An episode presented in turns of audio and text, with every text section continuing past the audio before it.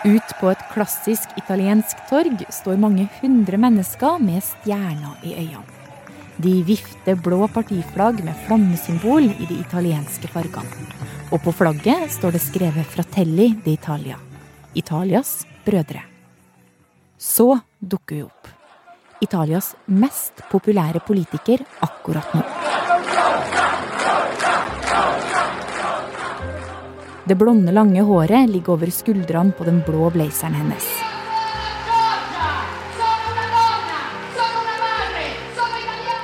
Hvis valget i helga går som det ser ut som på meningsmålingene, er 45 år gamle Giorgia Meloni snart Italias nye statsminister. Til skrekk og gru for flere europeiske ledere.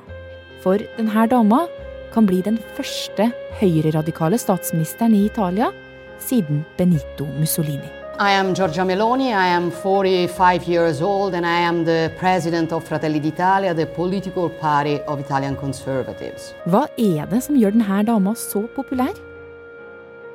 Du hører på Forklart fra Aftenposten og er Marit Eriksdatter Gjelland. I dag med europakorrespondent Rakel Haugen Strand.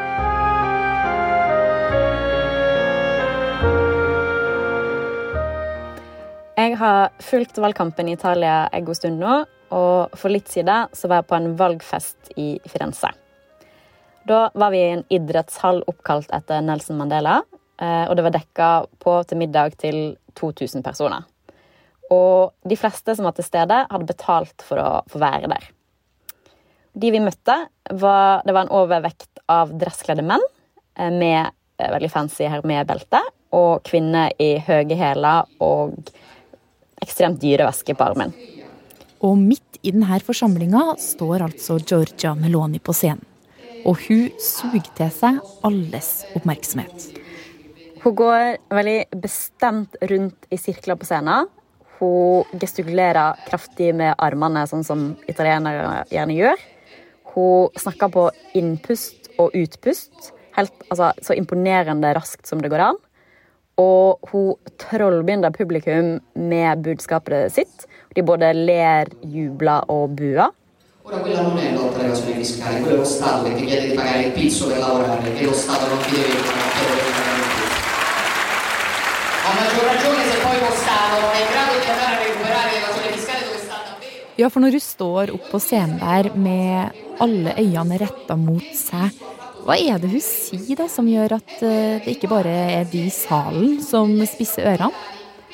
Altså, hun snakker om innvandring, eh, og hevder bl.a. at eh, migranter som kommer til Italia, enten begynner med prostitusjon eller å selge dop. Og det går tydeligvis rett hjem hos publikum. Og nettopp det at hun leder et av de mest populære partiene og kan bli Italias første kvinnelige statsminister, er nok en av grunnene til at hun får så mye oppmerksomhet som hun gjør nå. Men hun får òg mye oppmerksomhet for å si ganske så radikale ting ellers i valgkampen òg. Og det er ting som får politikere i andre europeiske land til å heve øyebryna. No a los lobby LGBT. Si a la identidad sexual. No a la ideología de género. Si a la cultura de la vida. No al abismo de la muerte. Ting som nei til LHBT-lobbyen og kjønnsideologi, nei til islamistisk vold og masseinnvandring, nei til byråkratene i Brussel. No las burócratas de Bruselas! Y sí a nuestra civilización! No. Altså, det her er jo ting som minner om andre høyrepartier i Europa.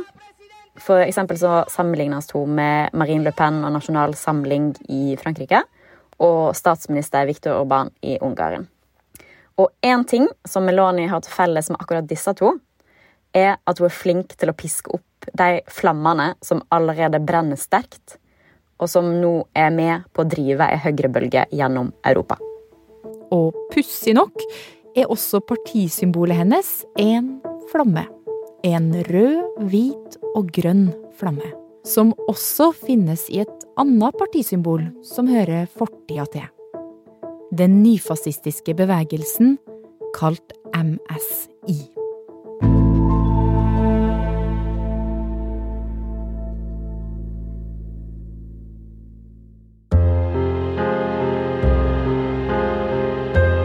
Selv om Georgia Meloni er et ganske nytt navn for de aller fleste utenfor Italias grenser, så er hun ikke et nytt navn i italiensk politikk. Hun ble født i Roma på 70-tallet med en far som forlot hun og resten av familien da hun var et barn.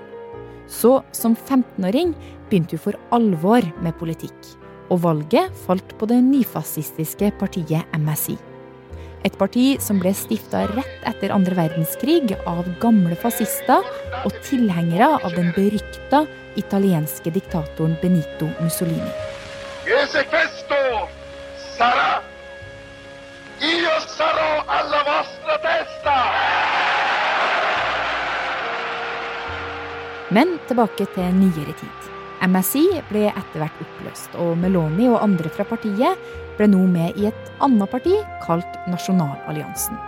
Og hvem tror du var ungdomsleder der? Jo, Georgia Meloni. Og herfra og ut gjør hun det veldig bra. Hun sitter blant annet som ungdomsminister i ei regjering i noen år, før hun bryter ut og starter sitt eget parti. Italias brødre omtales gjerne som barnebarnet til det nyfascistiske MSI. Og Italias brødre har jo eh, beholdt flammen i sitt partisymbol, men de har samtidig tatt avstand fra fascismen. Og de første årene er partiet ganske lite. I valget for fire år siden fikk de bare 4% av stemmene.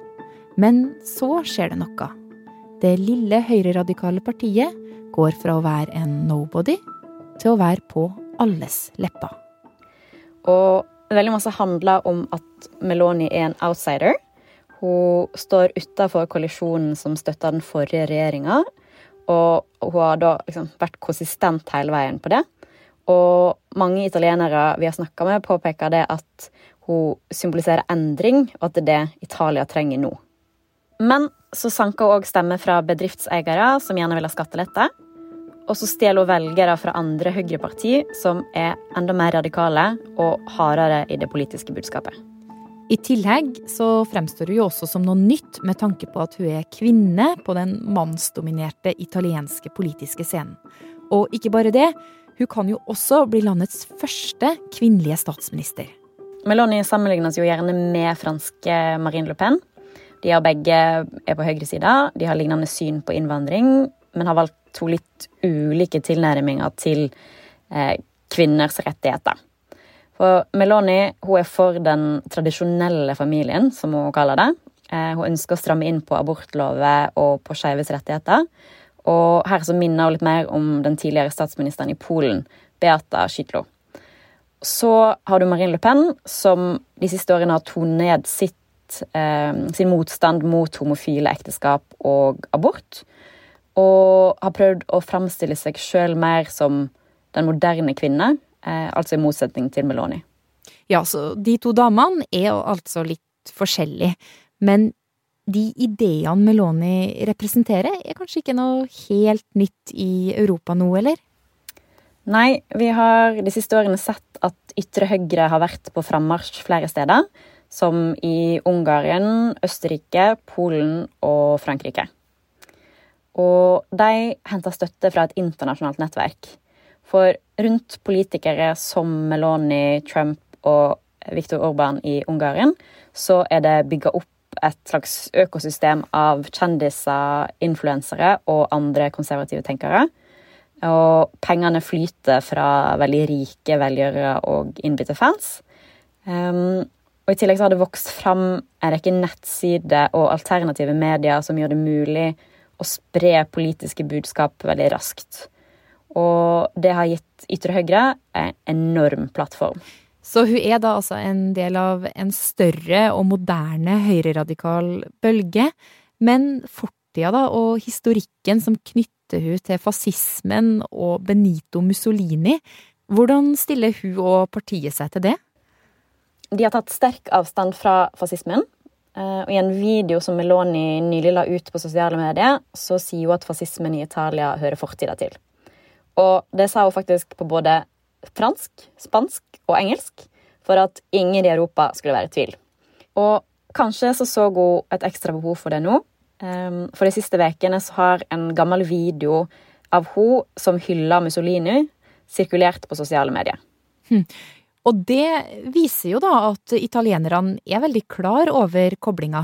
Det er akkurat det motstanderne til Meloni bruker mot henne i, i valgkampen. Men mange italienere er nå veldig klare for endring, for eh, Italias brødre er et av de siste uprøvde partiene som ikke har sittet i regjering. Og faktum er det at Italia har store problemer som det haster å løse. Og italienerne ønsker at noen skal rydde opp i innvandringspolitikken, sånn at de får mer kontroll over egne grenser der det er utrolig mange migranter og flyktninger som kommer. Eh, de vil òg at noen skal rydde opp i arbeidsledigheten, som lenge har vært høy.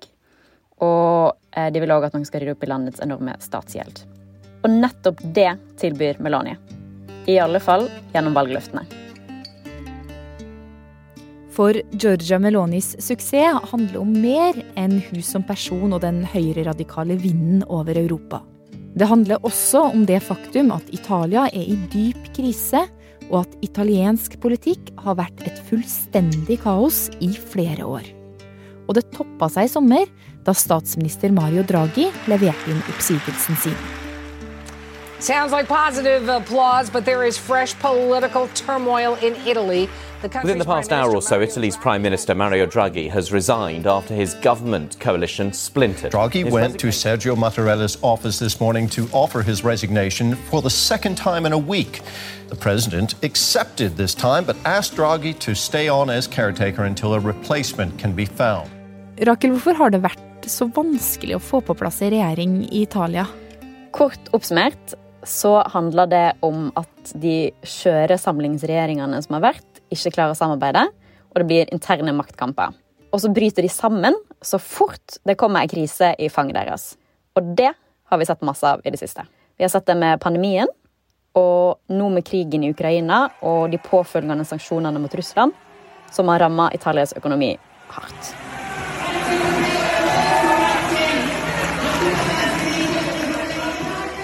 Og det er altså det her Italia som nå omfavner Giorgia Meloni og politikken som ligger helt ytterst på høyresida. Og får Meloni makta nå etter helga, så gjør hun det sannsynligvis sammen med to andre partier. Ytre høyrepartiet Lega, som er leda av Matteo Salvini, og en gammel kjenning, Silvio Berlusconi. Det er kun én mann som har sittet en hel periode på veldig lang tid, og det er Berlusconi. Han er en mann med et ganske tvilsomt rykte. Eh, vi snakker korrupsjon, sexfester og et vennskap med Vladimir Putin. Og spørsmålet er om noen av kandidatene som stiller nå, kan få det til på en litt mindre kontroversiell måte enn Berlusconi. Venstresida har Enrico Letta, som ser ut til å få nest mest av stemmene. Men flere påpeker at han har vært ganske usynlig i valgkampen. Han har òg slitt med å samle venstresida. Så har du høyresida, som kan få problemer med interne maktkamper. For flere har påpekt det at Salvini og Meloni allerede har krangla om sanksjonene mot Russland. Og det kan felle et framtidig regjeringssamarbeid. Så om Meloni lykkes med å samle den radikale høyresida, det gjenstår å se. Så hvis eh, Meloni og hennes blokk vinner, hvordan vil et Italia leda av høyresida bli seende ut? Det blir mest sannsynlig et Italia med sterke innslag av det høyreradikale. Det kan bli strengere innvandringslover, det kan bli vanskeligere å ta abort, og skeives rettigheter kan stå i fare. Og det kan og bør bekymre alle som setter demokratiet høyt.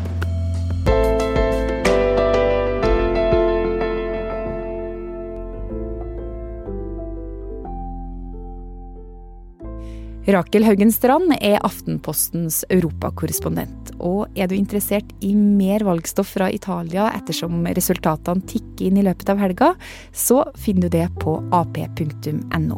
Lyd i denne episoden var fra Deutsche Welle, BBC, CBC, Forza di Italia, Vox og Fratelli de Italia på YouTube, nyhetsbyrået AP og et lydklipp fra Mussolinis gamle taler.